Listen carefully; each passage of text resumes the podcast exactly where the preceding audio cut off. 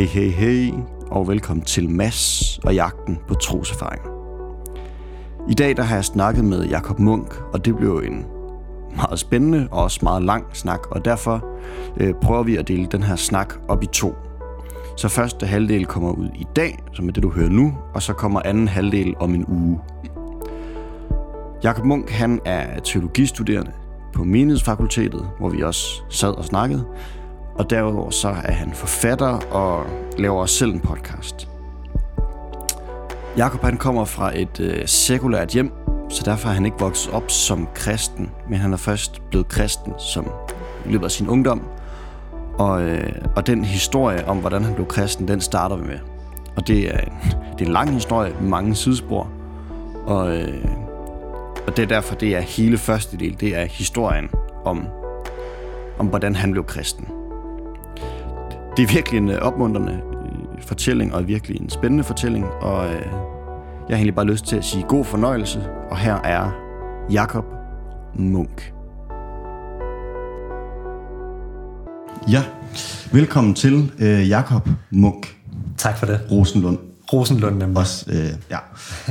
øhm, har du ikke lyst til bare lige at starte hurtigt præsentere, hvem er du, og hvad laver du? Jo, det vil jeg gerne. Jamen, jeg er en, øh, en, en øh, mand, der kommer fra øh, Fyn. Jeg er Fynbo. Født og opvokset i, i Odense. Jeg er spændt på, om min dialekt kommer til at afsløre det.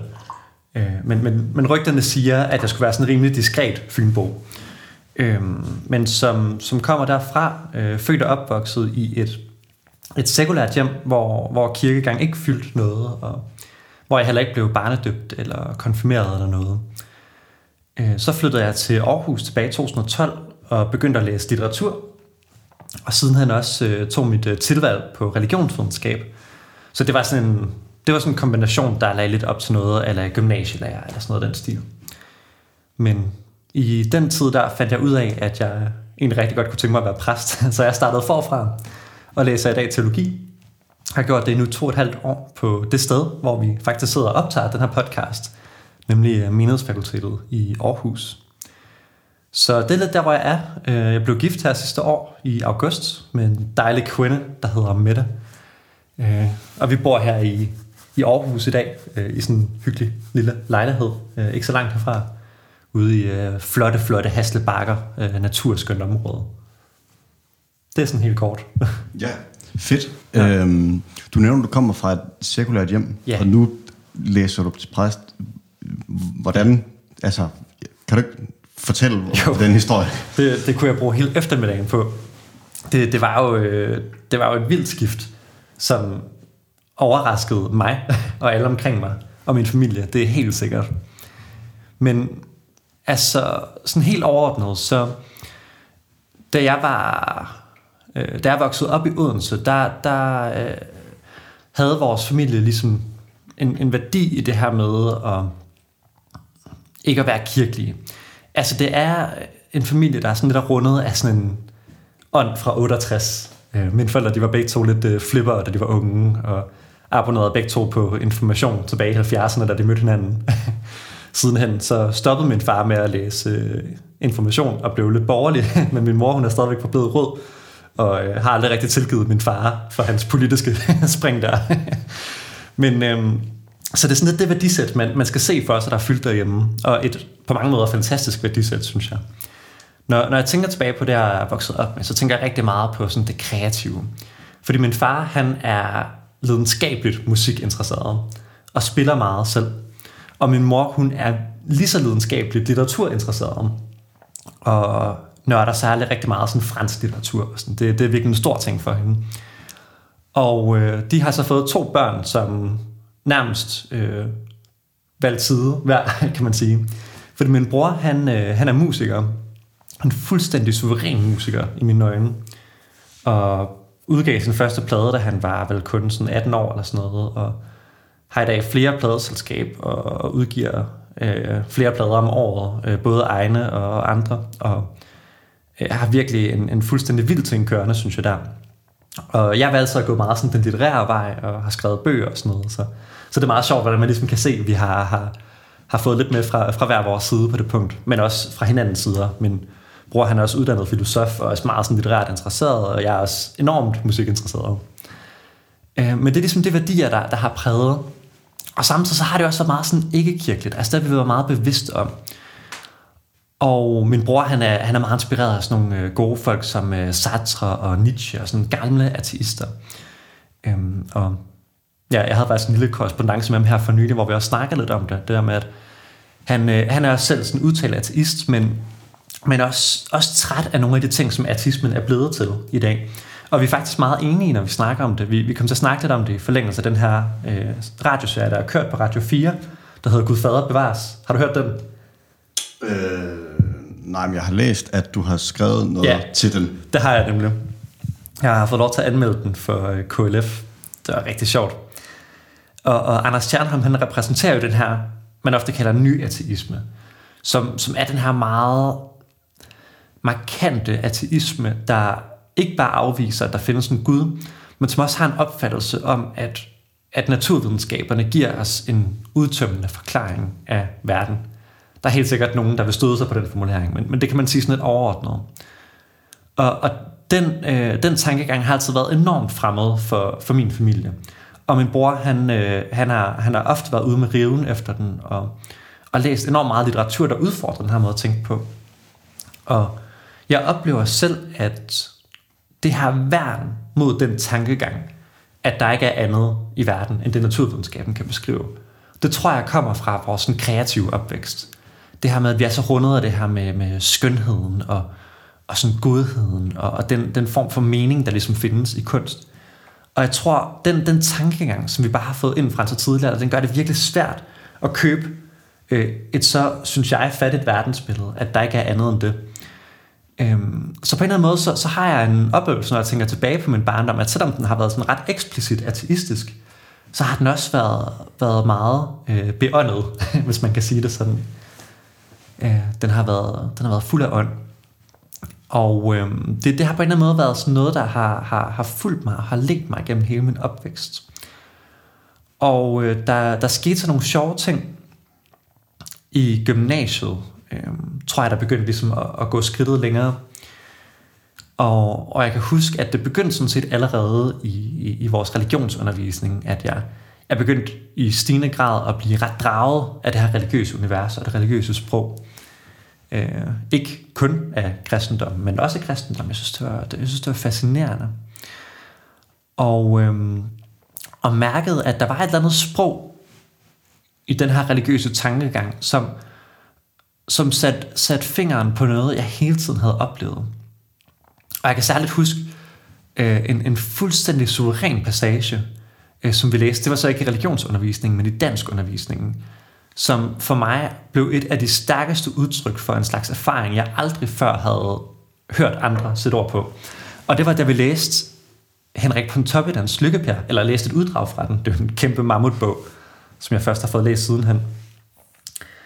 Men jeg kan huske, det, det var simpelthen så sjov en beskrivelse af øh, hovedpersonen øh, Per, som jo er, er en præsteslægt, men som så øh, flytter til byen og øh, begynder at studere og bliver ateist.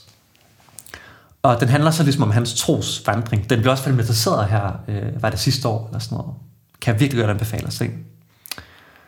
Men øh, noget af det, som, som var så stærkt i den her passage, vi læste, det var, at Per han er oppe og vandrer i alberne.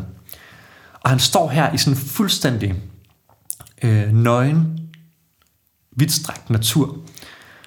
Og lige pludselig så er det som om, man bare bliver overvældet af den her åndelige erfaring. Og jeg tror, det er noget, som mange af jer skal genkende, især det der med sådan at være ude i naturen, ikke? og stå i et åbent landskab, stå sådan konfronteret med den åbne himmel, og pludselig få den der erfaring af, at, at der, der er simpelthen noget mere her. Og det der sker, det er, at Lykkepær, han faktisk bliver udfordret i sin ateisme, i det han står her. Og han står og, og tænker højt, er det måske i virkeligheden Guds stemme, man hører i naturen? Havde de gamle munke ret? Havde præsterne ret? Og han står og tænker på de her nøglebegivenheder i sit liv, blandt andet sin fars død, hvor, hvor han havde den her følelse af, at der var noget, noget større, noget mere, der bankede på døren. Og øh, pludselig så er det som om hele hans, hans meget velreflekterede artisme, den bare bliver styrtet i jorden af den her erfaring af noget guddommeligt. Og jeg synes, det var så stærkt at læse den her passage, Fordi ligesom Pierre, så var jeg ateist, men, men kendt udmærket godt til de her erfaringer, især i naturen og i kunsten, at der er et eller andet, der bare overvælder os, som næsten tvinger dig til at sige, hvis ikke Gud, så i hvert fald et eller andet åndeligt. Øhm. Men det rigtig sjove, synes jeg er ved Lykkepær, at han øh, med det samme begynder ligesom at, at pakke sin egen erfaring lidt ned i kufferten igen. Og han, han gør sig sådan nogle tanker. Hvad er det, han skriver? Han skriver, øhm, øh, Guds stemme. Nå ja. Men skyldes det ikke bare, at igennem århundreder har vi haft den her horror vakui, den her frygt for tomheden i himlen, som gør, at vi nu har befolket den med guder og ånder. Øhm, er det ikke bare den elgamle frygt for tomheden, der gør, at den her erfaring kommer? Jo, det må det være. Og whoops, så er den parkeret igen. Og øhm, man kan sige, at, at, at Lykkepæren har en erfaring af noget guddommeligt, som han så lidt, jeg vil sige, bortforklare. man kan også sige forklare, lavet positivt, ikke også? Men, men det var præcis der, hvor, hvor jeg var. Og, øhm, og på en eller anden måde, så bevidstgjorde det mig om, at, at der er et eller andet her, ikke også, som man ikke kan ignorere. Og, og, og som føles virkelig meningsfuldt. Jeg havde ikke lyst til at ignorere det. For hvad var det, hvad var det jeg sådan ligesom havde, havde den her fornemmelse af? Øh, men det, det, blev lov til, det fik lov til at blive sådan en understrøm, som fortsat indtil jeg i slutningen af min gymnasietid øh, traf en anden rigtig god ung fyr, der øh, ligesom mig hedder Jakob. og det er altså en øh, det er altså en rigtig rigtig spændende historie han har. Og øh, det kunne være han var også var en man selv skulle invitere på podcasten på et tidspunkt, men sådan helt helt overordnet. Så Jakob han han kom faktisk derfra, at han ligesom mig var opvokset i et sekulært hjem, øh, men så var han i en ret tidlig alder faktisk blevet muslim. Eller i hvert fald var begyndt at sådan tage, tage en vis muslimsk praksis til sig. Og han var begyndt at sådan følge bønderne øh, og afstå fra alkohol og, og sådan den slags ligesom nøgleting i, i islam. Og, og det var på en eller anden måde der, han havde fundet et, øh, et sted ligesom at, at, at få udfoldet sit, øh, sin religiøsitet. Og, øhm, og øh, jeg lærte ham at kende, fordi at jeg dengang øh, var i et forhold med hans storesøster, der ligesom mig var ateist. Og jeg kan huske, at øh, hun ofte havde fortalt mig, at du skal virkelig glæde dig til at møde Jakob. I kommer til at snakke rigtig godt sammen. I er begge to nogle håbløse nørder, øh, og, og, og meget interesseret i mange af de samme ting. Og sådan noget. Så det, det gjorde jeg også. Men så inden jeg skulle øh, besøge dem første gang, så sagde rygterne, at han faktisk var ved at forlade øh, sin muslimske tro. Øhm, eller i hvert fald den der tilknytning. Jeg ved ikke, om han vil sige, at han var muslim, men, men, mm. men i hvert fald sådan havde lidt en, en vis praksis derfra. Og at han faktisk nu var ved at undersøge nærmere øh, kristendommen. Så det var, det var der, han var i sin proces, da jeg lærte ham at kende. Og jeg husker stadig første gang, jeg mødte ham, det var simpelthen en, en virkelig, virkelig sjov oplevelse. Fordi vi var hjemme hos øh, dem, familien der, og han kom og, og sagde hej. Og næsten med det samme, så begynder han at sige sådan noget som, øh, min søster har fortalt mig, at du er meget interesseret i filosofi. Har du tænkt over det her med, om det giver mening at tro på, at der er en Gud? og så sagde jeg sådan, ja, det har jeg, og jeg, jeg er ateist. Det er jeg sådan ret overbevist om. Øhm, og så sagde han, okay, men har du tænkt på sådan noget med, at øh, Big Bang-teorien, den siger, at øh, verden, øh, at hele universet opstod ud af intet, ikke også? Hvordan hænger det sammen? Øh, hvor kommer alting fra ud af intet, og sådan nogle ting, sådan klassiske måder, og, og det som leder tankerne i retning af Gud på. Og jeg havde jo aldrig tænkt over de her ting før. Mm. Det var ret sjovt. Det var, det var nogle spørgsmål, jeg, jeg slet ikke havde beskæftiget mig med før. Øh, og han, han nævnte nogle forskellige folk, han var begyndt at læse, og, og spurgte, om jeg havde læst dem. Og jeg sagde ja. så det var en stor løgn, hvilket jeg har fortalt ham sidenhen. Så der er lavet orden i sagerne nu. Ja. Men, men det var sådan en, en akavet situation, ikke også at stå her, og jeg vil gerne virke øh, klog og ovenpå over for hans store søster. Jeg var samtidig ret nysgerrig på den her snak, og skulle tænke på at holde sådan god ro og orden, nu det var første gang, jeg var i familien. så en ekstremt kompliceret situation. Um, men, øhm, men vi står og snakker, og, og simpelthen den dag, der er der et rigtig godt øh, venskab, der tager sin begyndelse.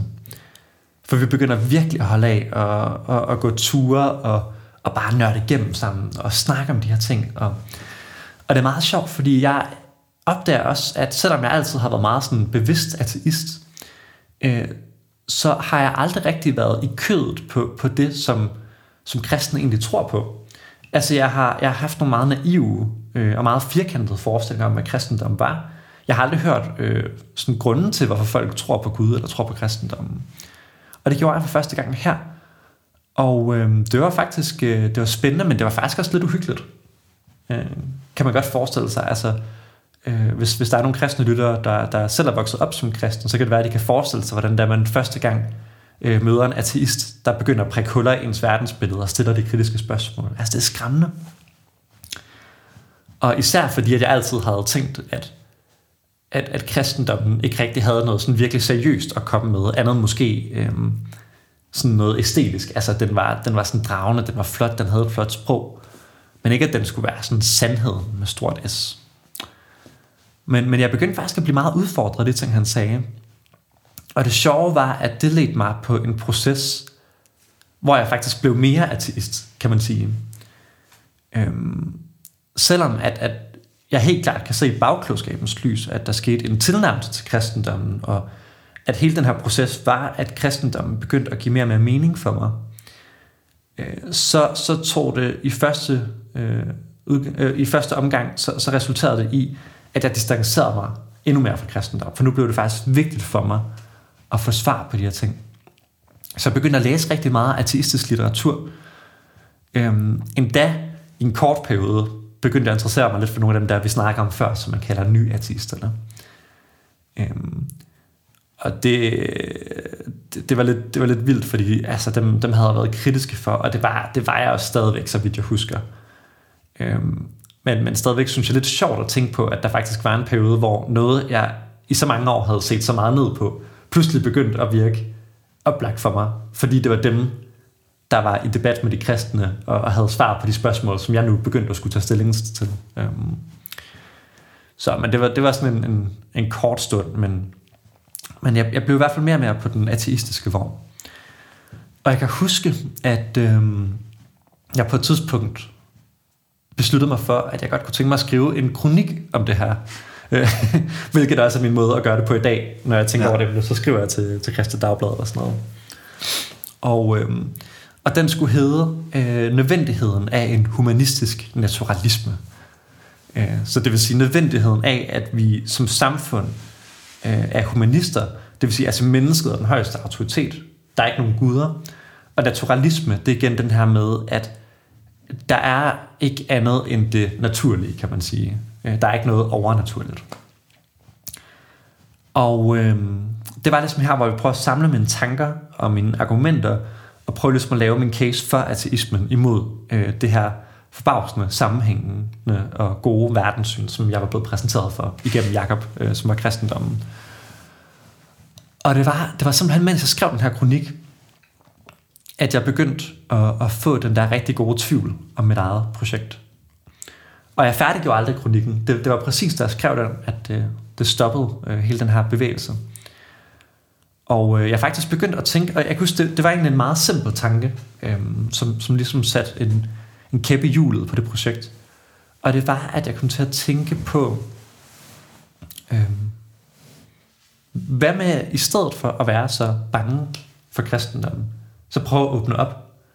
For i virkeligheden, så, så havde jeg jo været ret draget af, af det her med, med troen på Gud, og, og allerede dengang, der havde jeg som om, at der var nogle, nogle erfaringer, jeg havde haft, som jeg næsten ikke kunne kalde andet end sådan en slags guddommelige erfaringer.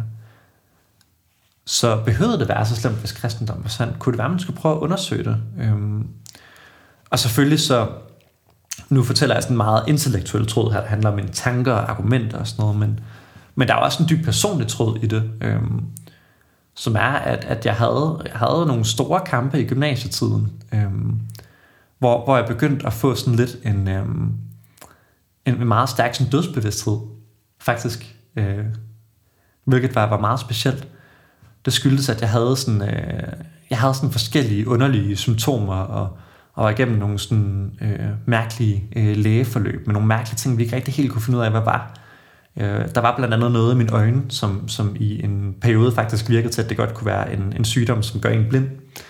Og, og der var sådan nogle ting der, som, som virkelig havde givet mig en, øh, en meget, meget stærk bevidsthed om, at, øh, hvad skal man sige, sådan, om, om min egen sårbarhed og dødelighed, som også havde efterladt mig et meget stort, øh, sådan, sådan personligt, eksistentielt tomrum. Øh, for hvordan kunne man lige øh, arbejde med det? Øh, hvad, hvad kunne være det gode svar til det, hvis jeg nu øh, hvis det nu viste sig at være nogle af de ting, jeg frygtede, det var, og jeg var på vej til at blive øh, blind, eller øh, det, der var værre, ikke også? Hvad, hvordan kunne man så sådan forholde sig til det? Og der er det også klart, at sådan, så snart at sådan noget som kristendom begynder at åbne sig som en mulighed, så var det som, at det, det, det også lidt øh, åbnede en dør til, at jeg måske kunne slutte fred med nogle af de der tvivlstanker, der var øh, omkring, hvor jeg var på vej hen. øh, det var virkelig sådan øh, personligt meget, meget sådan tiltalende. Og, og helt klart øh, afgørende for, at, øh, at jeg sådan begyndte at, at blive mere nysgerrig på det. Det er meget interessant. Det, det, det er noget, jeg næsten aldrig fortæller, når jeg fortæller min historie i dag. Mm. Øh, men som dengang var mega vigtigt. Så ja, øh, der begyndte at ske noget her. Og øh, det, der skete, det var, at jeg tog kontakt til nogle af mine venner. På det her tidspunkt, der var jeg begyndt i, på universitetet. Jeg begyndte at læse litteratur.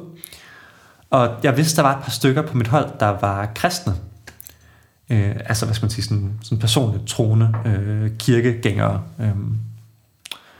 Og, øh, og det, jeg gjorde, det var, at jeg tog øh, kontakt til dem, og så jeg har en masse spørgsmål om kristendom. Kunne I tænke jer at snakke om det?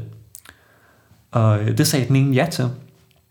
Og vi fik også nogle rigtig gode snakke der, og, og det var jo nogle af alle de store spørgsmål. Altså, jeg kan huske, at... Øh, vi snakkede meget om sådan noget med, øh, med Bibelens kvindesyn. Øhm, der var nogle ting, som jeg, jeg brød mig meget lidt om i Bibelen, øh, omkring det, den sagde om kvinder. Vi snakkede også om Bibelens syn på homoseksualitet, som også er noget, som jeg støtter mig på, ligesom jeg tror, alle andre unge danskere i dag gør. Øh, vi snakker om helvede, øh, tanken om sådan evig øh, lidelse, øh, efter døden, som var virkelig, virkelig skræmmende, og som jeg nok altid havde været lidt bange for. Jeg kunne huske, da jeg var barn, og jeg aner ikke, hvordan jeg blevet præsenteret for ideen om helvede. Øhm, men jeg kunne huske, at jeg spurgte mine forældre, hvad nu hvis der er et helvede? Så det er jo forfærdeligt. Altså, man kan måske leve med lidelser, som man ved har en ende, men hvad med dem, der ikke har en ende? Altså, det var jeg virkelig bange for. Så vi snakkede om de her ting, og øhm, og jeg kan huske, at hende Katrine, jeg snakkede med, hun øh, sagde, at øh, der er en forening, der hedder Kristet Forbund for Studerende, og de har en mand ansat til at tale med sådan nogen som mig, om tro. Og den mand, han hedder Daniel Hårgaard. Og der kan vi jo passende henvise til afsnit 2. Til afsnit 2. Ja, masser, jeg kan det er helt, helt fantastisk mand. Uh, men ja, øh, Daniel han er en fantastisk mand, som, øh, som har betydet rigtig meget for min personlige historie. Og, og vi begyndte jo at mødes her, mig og Daniel, nede i øh, KFS' altså Kristelig Forbund for Studerendes øh, daværende kælder, som hed Valen. Det havde sådan en kælderlejlighed her i Aarhus. Og ret hurtigt begyndte det her virkelig at blive sådan et af min uges højdepunkter. Uh, jeg synes, det var så spændende at tale med Daniel om, om de her ting, og stille ham alle de kritiske spørgsmål, og prøve at gå lidt på opdagelse det her. Vi begyndte at læse Bibelen sammen og sådan nogle ting. Og, og det begyndte virkelig at slå knister. Og øh, i den her proces, der, der var der faktisk et tidspunkt, hvor jeg besluttede mig for, at jeg vil gerne det her. Øh, jeg, jeg tror faktisk på kristendommen nu. Og jeg vil gerne døbes. Øh, og jeg kan ikke helt huske, hvornår det var. Øh, det troede jeg faktisk, jeg kunne. Men netop da jeg så snakkede med Daniel om det, det var ret sjovt, så kunne vi høre, at vores historie var fuldstændig ude af synk. Mm. Altså Daniel, han huskede et forløb, vi havde, og jeg huskede et helt andet. Øhm, men nu satser vi på, at Daniel han har ret. nu er det hans gengivelse af historien. Men, men så var det faktisk ret tidligt i forløbet, at jeg besluttede mig for at skulle døbes. Men, men hvor det helt klart har været øh, på en meget er sådan på et relativt spinkelt grundlag. Altså, jeg har ligesom tænkt, jeg vil gerne det her. Øhm, men meget mere har jeg nok ikke vidst. Jeg har ikke vidst konkret, hvad jeg troede på. Det har været meget min egen sådan, personlige variant af kristendommen. Øhm, Hvilket jo heller ikke er mærkeligt, kan man sige, når man pludselig skal til at omstille sig til en helt ny måde at se verden på. Men så var der en dag, og det, det er ligesom den, jeg, jeg altid husker som sådan det helt springende punkt for mig. Og det var, fordi jeg havde gået og wrestlet med mange af de her ting. Og, og på et tidspunkt, så tror jeg ligesom, jeg havde, havde fundet ind til, hvad, hvad var ligesom humlen i mit problem med kristendom? Hvorfor var det, at jeg umiddelbart reagerede med den der ateisme? Hvad, hvad var det ligesom, der lå til grund for alt det her? Og, og der gik det op for mig, at hovedproblemet her var, at jeg faktisk var rigtig bange for, at kristendommen var sand. Og hvorfor var jeg det? Det tror jeg netop var den her tanke om, at hvis der er en Gud, øh, så er det faktisk dårligt nyt for mig. Så stiller det ikke mig et godt sted. Og det var jo helt klart sådan en tanke om, om dom, og havde selvfølgelig også at gøre med helvede, øh, uden jeg helt vidste, hvad jeg skulle tænke om det, eller hvad det var, eller noget som helst. Øh. Men jeg var, jeg var simpelthen jeg var, jeg var bange for den der tanke om sådan den dømmende Gud. Og jeg kan huske, vi sad her. Jeg havde foreslået Daniel, at vi skulle bruge lidt tid på at læse os igennem bjergprædikenen, som jeg synes var mega spændende, og noget af det første, jeg virkelig faldt for i kristendommen, som er sådan en stor etisk tale, Jesus han giver.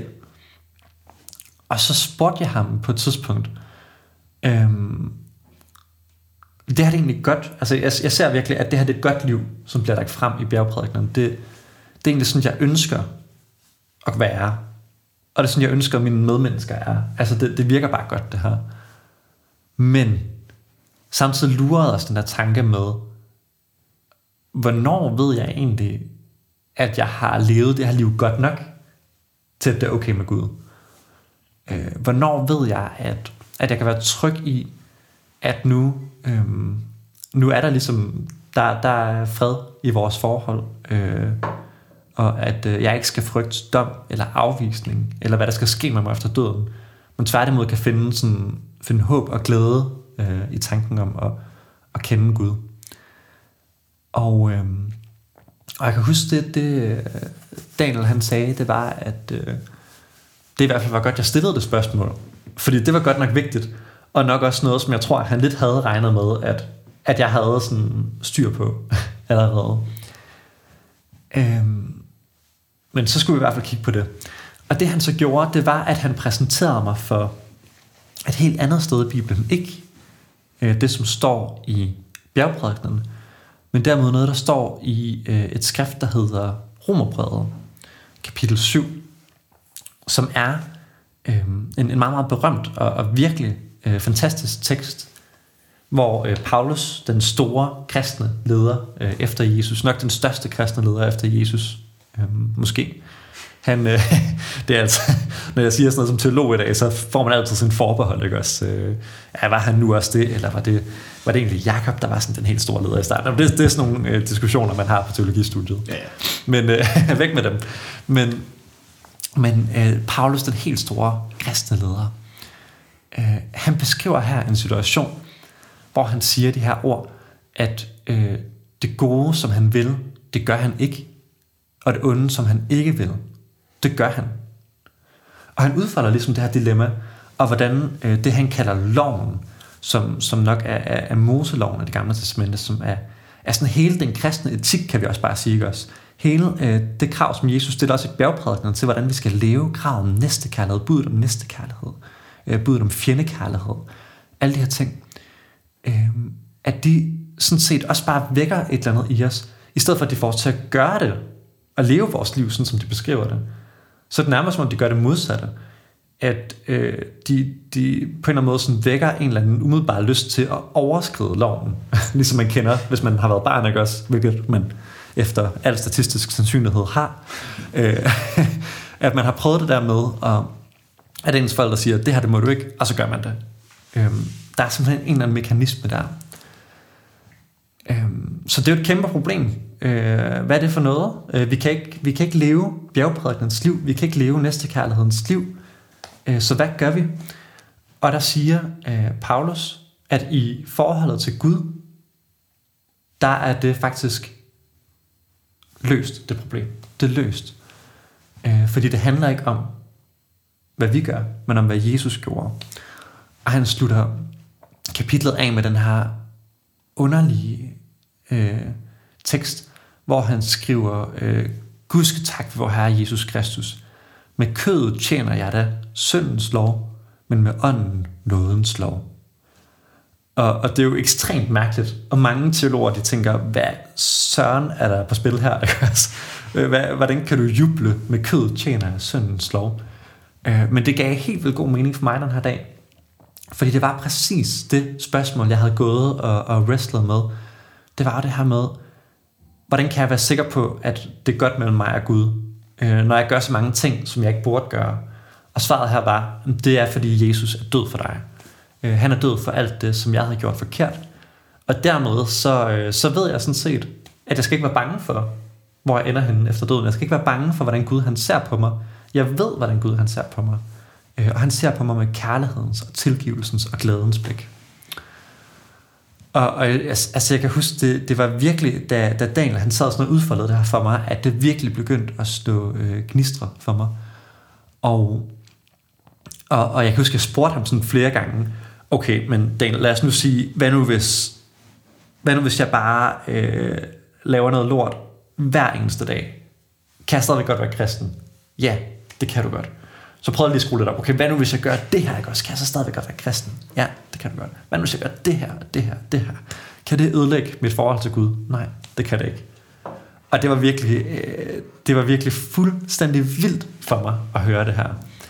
Og så kontra imod alt, hvad jeg nogensinde havde tænkt kristendommen var. Det tror jeg virkelig, at, at i vores kultur, der er der bare nogle billeder af, af gamle faster Anna, ikke også, øh, som sådan, altså den kristne er den sure, regelrette, øh, der, der er så orienteret på at leve ret. Øh, og her, der, der mødte jeg pludselig noget helt nyt. Og først og fremmest tænker jeg i dag, at det, der blev løst her, det var det der problem, at jeg egentlig frygtede, at kristendommen var sand. Fordi så var det ikke godt nyt for mig. Fordi pludselig så, så jeg her, hvis kristendommen er sand, så er det virkelig godt nyt for mig. Så er det virkelig godt nyt. Og, øhm, og det var bare, det var simpelthen vildt. Og, og jeg husker bare den her dag stadigvæk, den, den står meget, meget stærkt i min hukommelse. Øh, og jeg husker, hvordan jeg sådan bagefter nærmest fløj ned af Langelandsgade, hvor den her lejlighed lå, og virkelig, virkelig havde sådan en følelse af at være nyforelsket. Altså det her, det var bare helt suverænt godt nyt. Øh, og tænk en gang. Og jeg troede faktisk, det var den her dag, jeg besluttede mig for, at jeg ville døbes. Men det siger Daniel altså, nej nej, det havde du vidst i lang tid der. Så, så det var godt, vi fik korrigeret det.